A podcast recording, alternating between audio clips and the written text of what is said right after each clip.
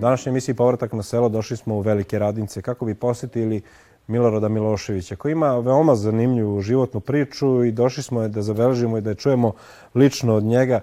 Gospodine Miloševiću, poštovanje. I šta manje. Kako ste? Pa evo, radno. radno. Evo, najavio sam e, našim gledalcima zanimljivu životnu priču, e, puno posla e, koji ste i radili, kojim se sad bavite. Eto da počnemo od samih nekih vaših početaka, A gde ste živjeli, radili, rodili se? Kako je tekao vaš životni put?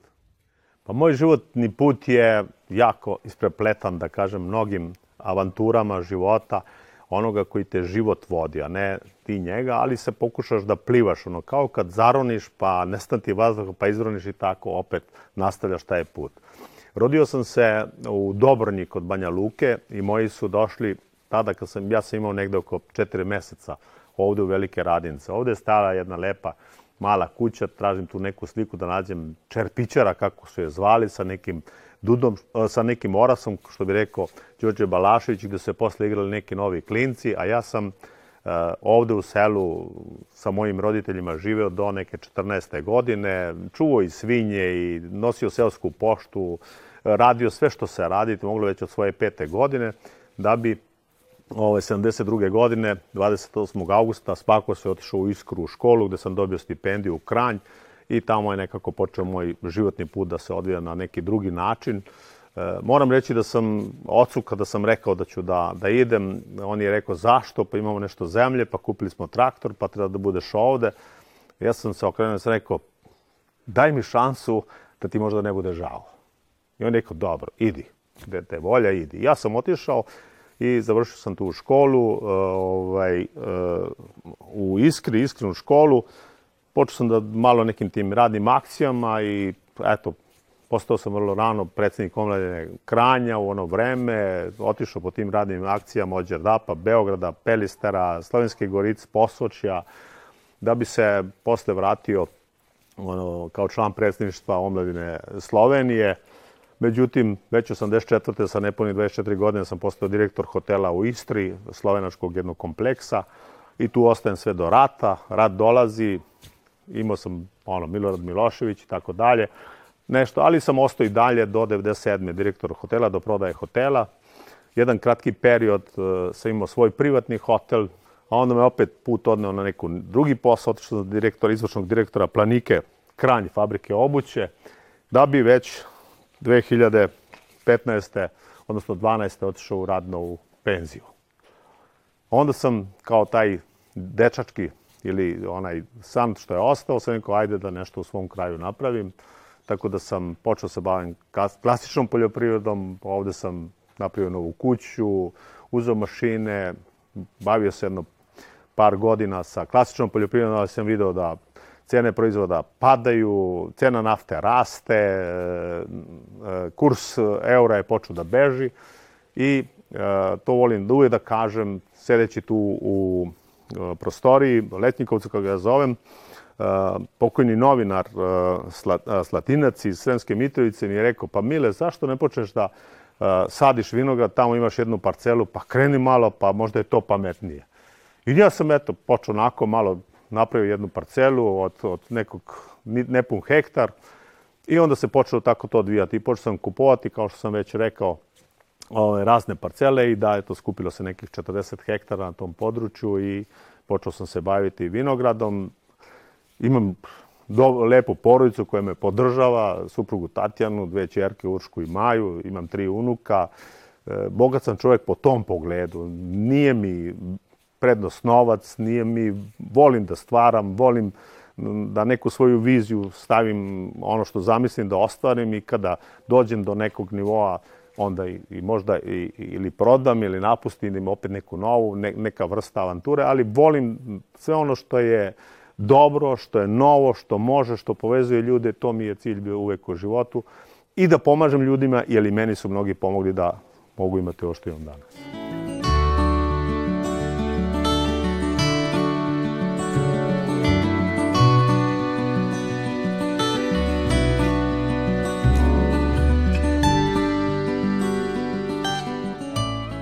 Pozicija vinograda je fantastična, znači ruža vetrova, e, vinograd se izuzetno malo prska, tako da sam krenuo taj nakop zemljišta ovde na ovom području, tako da trenutno imamo zasađenih negde 18 hektara pod zasadom e, sorti kao što je Merlot, Cabernet Sauvignon, nešto malo Vranca, onda imamo e, Chardonnay, e, Sauvignon Bianco, traminac, e, tamjaniku i ranjski rizling i ove godine smo posadili još e, prokupac. Puno truda, puno e, uloženog znanja, energije, jednostavno, ali vinograd je posebna sorta biljke koja te strašno muči, što kažu, voli puno sunca, ali senku gospodara a po drugoj strani e, potreban je jedan period da jednostavno dođe do nekog rezultata. Deset godina treba da počne prve novci da kaplju, da se nešto polako e, vrati, jer e, pet godina da naraste loza, dve godine da napravite grože, dve godine marketinga i to je neka deseta godina da se, da se napravi, da krene da kaplje. To nije ni, ni blizu onoga da se vrati uloženo, ali postoji ljubav. Loza je specifična biljka, ne sadiš je svake godine, nego jednostavno režeš, pričaš sa njom, pevaš, e, budeš e, i ono što je se i ova serija pojavila, ima i svoju tajnu ta loza i, i sav taj znoj nekako koji ostane i kad si najviše umoran i kad ti je svega dosta, dođeš ovde, imaš osjećaj da se to relaksira. I to je jedna taka lepa priča sad, koliko će trajati, kako, na koji način, a i dobra vina su prizašla iz ove, iz ove loze, iz ove sorte, iz ovog grožđa koje ovde radi. Koliko vam je teško da nađete redovnu radnu snagu? Imate dosta posla, generalno i onoga što se radi ručno, konkretno evo i sad i branje je u toku. To je veliki problem i to će biti veliki problem u Srbiji za radnu snagu. Ako hoćeš raditi nešto po nekom klasičnom, pravom, e, prirodnom načinu da stvarno napraviš ono što je, pogotovo u vinogradu. Gledajte, ja sam, ja sam sam orezao 16 hektara vinograda. Krenuo sam decembra, to je jedan ogroman posao i imam, zahvaljujući nekim odnosima, dobrim, nekih četiri ženske iz sela Gregurevci koji su već devet godina uz mene. Moram reći da me prate, da rade, radimo dosta pošteno, tako da imam i taj odnos, ali je veliki, veliki problem dobiti neku, neku radnu snagu gde, gde ćeš e, moći da radiš, da mu poveriš i mašine i tako dalje, tako da je zadnje dve godine gro stvari palo na mene kompletne obrade, od prskanja, košnje i svega toga i sa tim e, četiri osobama koje, koje rade držimo nekako vinograd u punom rodu, u dobroj osnovi. Imamo e, dobro, dobrog stručnjaka, e, Slovenca Uroša Bolčinu, koji dolazi redovno, pregleda, vidi, on nam je glavni enolog, on nam savetuje i tako dalje, tako da držimo u punoj kondiciji i vinograd je izuzetno, izuzetno dobar. A kažem, ima tu i priroda mesto i lokacija je nešto što mu daje, da sve ono što uradimo i što mu damo, je još i priroda da, daje svoje.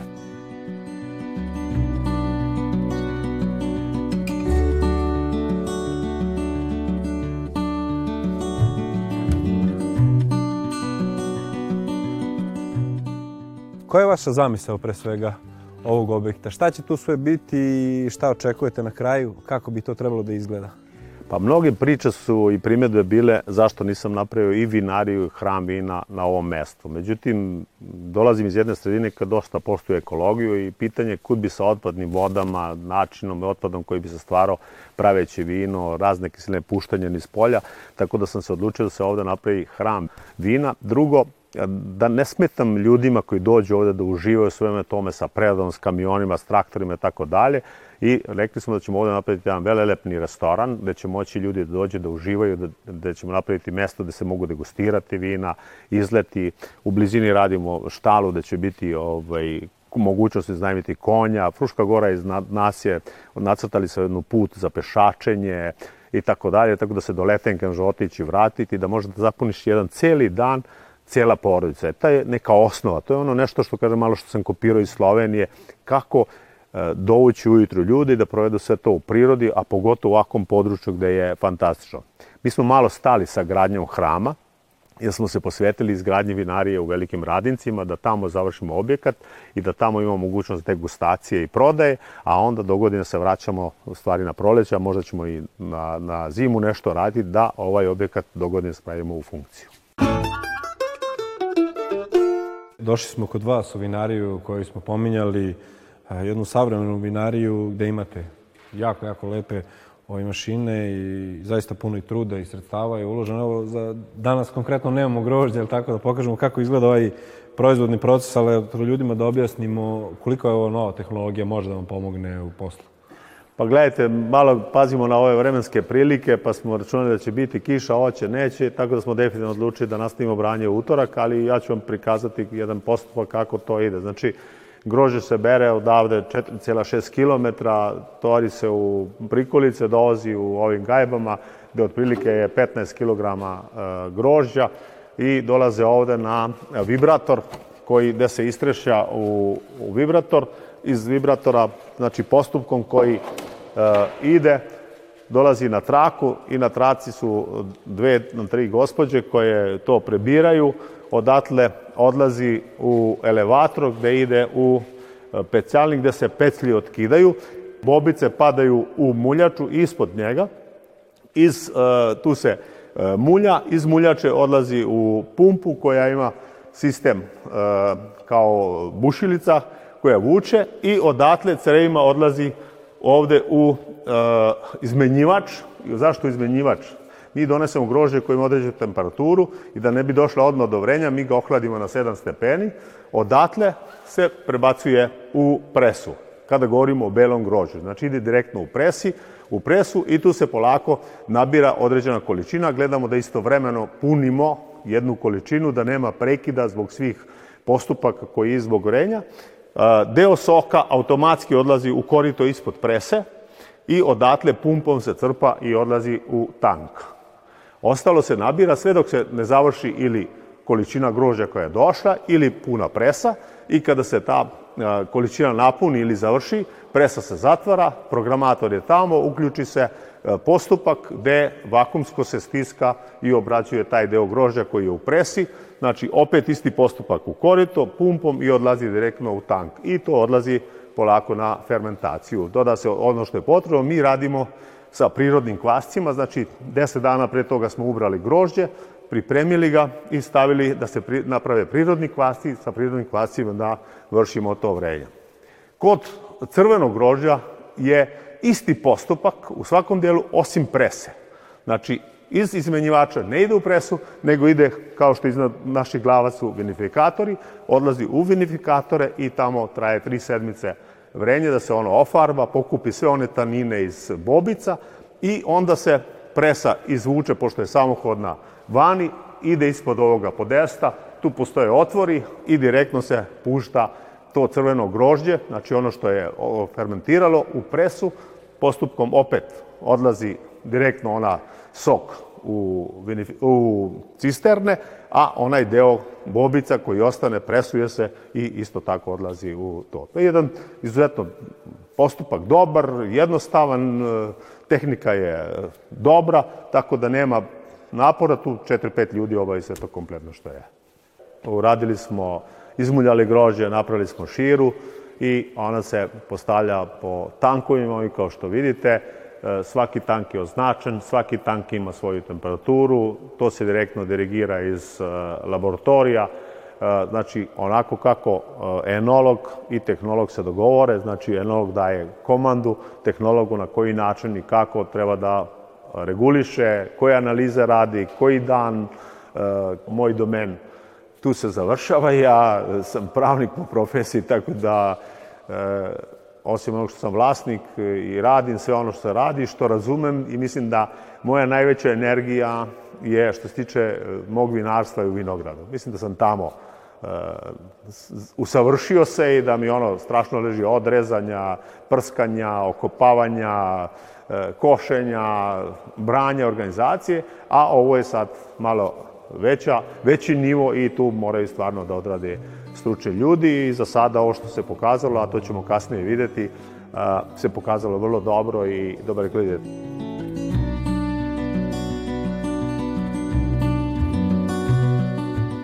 Znači, ovo je uh, traminac Tamjanika 2021. Obran ima odlične rezultate. E, kažem, nisam tehnolog da vam sada to referišem u tom delu, ali mirisi i ukusi su fantastični. Tako da Može se probati.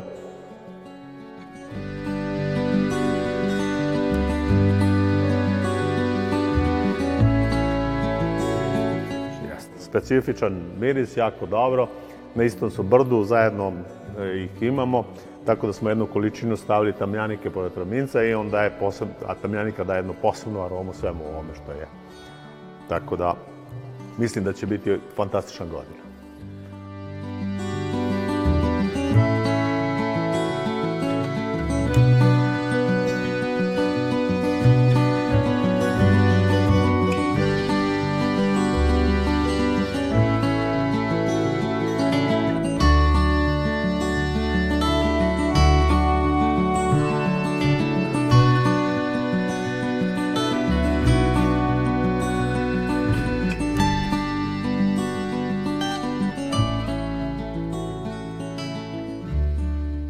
Nalazimo se u još jednoj prostoriji koju imate s puno ovih borića, buradi, to uglavnom ljude asocira ranije je to bila, eto i sad, i dalje se koriste za smeštaj vina i drugih alkoholnih pića zbog posebno neke arome, da li je to slučaj kod vas ili ima još neku drugu funkciju?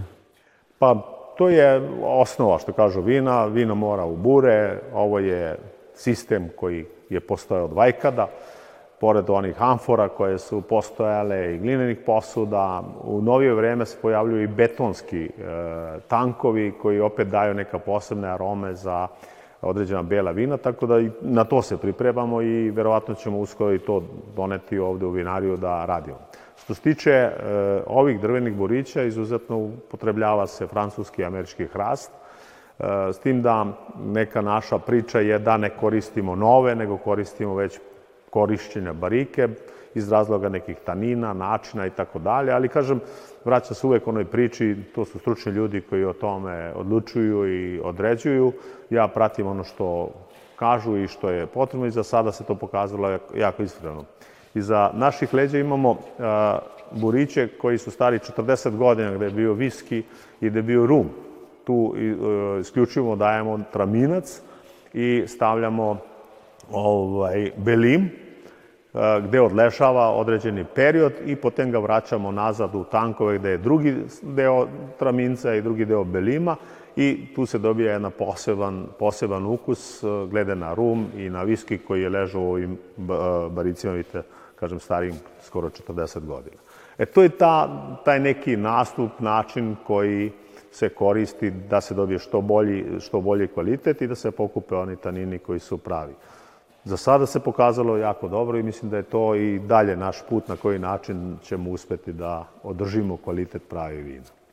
Jer se može kupovati vino i dalje na boriće kao što je to nekad bilo, ali sad sve mora kroz flaše i kako već ona ide? Ne, ne. Naša, naša eh, ili moja politika je isključivo flaša, staklena flaša, butelka, pampur e, čep koji mora biti i to je to. Plastika ne dolazi u obzir, e, na kantice ne dolazi u obzir, na burići ne dolazi u obzir. Mislim da je to ona osnova. Pi malo, pi dobro i to je osnova svega.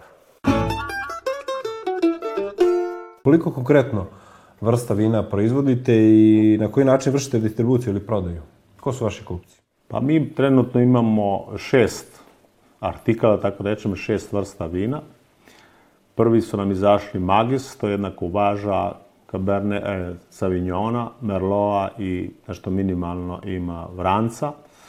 Drugi koji nam je izašao je Trominac, e, izuzetno dobar, e, polusuh Treti nam je izašao e, ovaj, e, Savignon Bianco, Chardonnay i na zadnje je izašao Belim. E, kupci su nam ovde iz određenih restoracija. Moram reći da malo je bilo zastoja zbog e, covid koji se pojavio i zaustavio je sve zatvaranje restorana i tako dalje.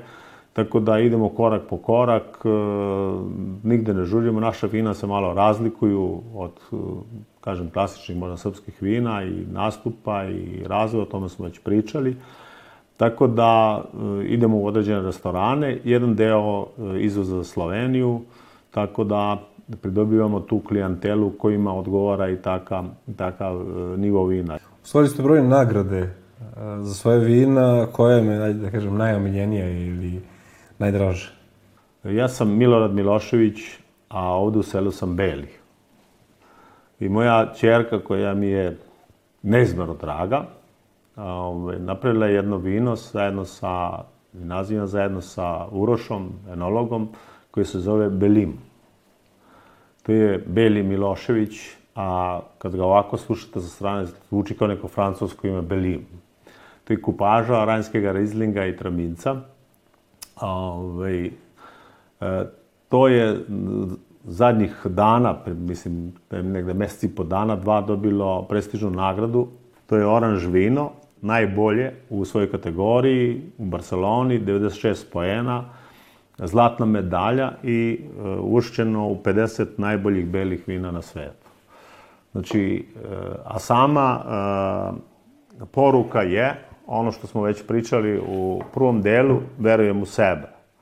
Na samoj flaši i ja verujem u sebe i idem dalje, a odzadi na flaši je par reči napisano o mom putu, ovaj, mojim usponima i padovima, ali nikada nisam odustao. za vas je bogato iskustvo svakako. Koja bi poruka bila vaša, e, pre svega mladim ljudima koji napuštaju naša sela, pa i drugim ljudima, da se vrate, da se ožive naša sela.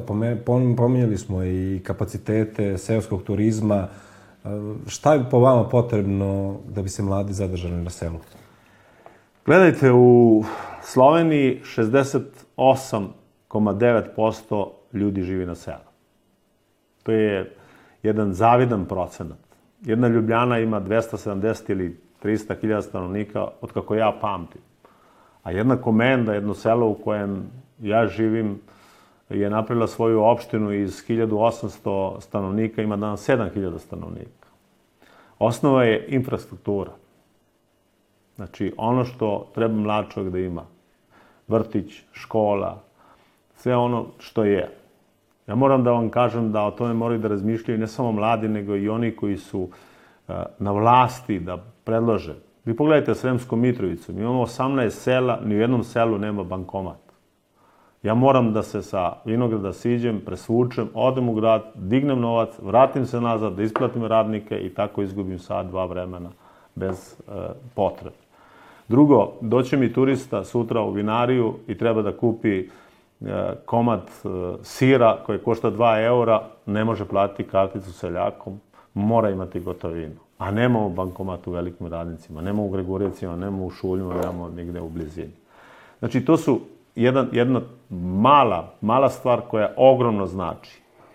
Bez uslova da čovek ima na selu ono što bi imao u gradu, ne može, ne može funkcionisati e, taj povratak na takav način. A šteta je da se to ne desi ovde, jer ovaj deo ima izuzetne velike možnosti, a i uopšte svi krajevi, ako ih vi pogledate po regijama, ima neku svoju specifiku gde bi mogli mladi ljudi što šta napraviti za sebe i e, ostvariti neki svoj san da i radi kod kuće i da je sa porodicom, drugi član porodice može biti zaposlen i tako dalje i da ta kompletna a, e, porodica živi, a živi i selo u kojem je.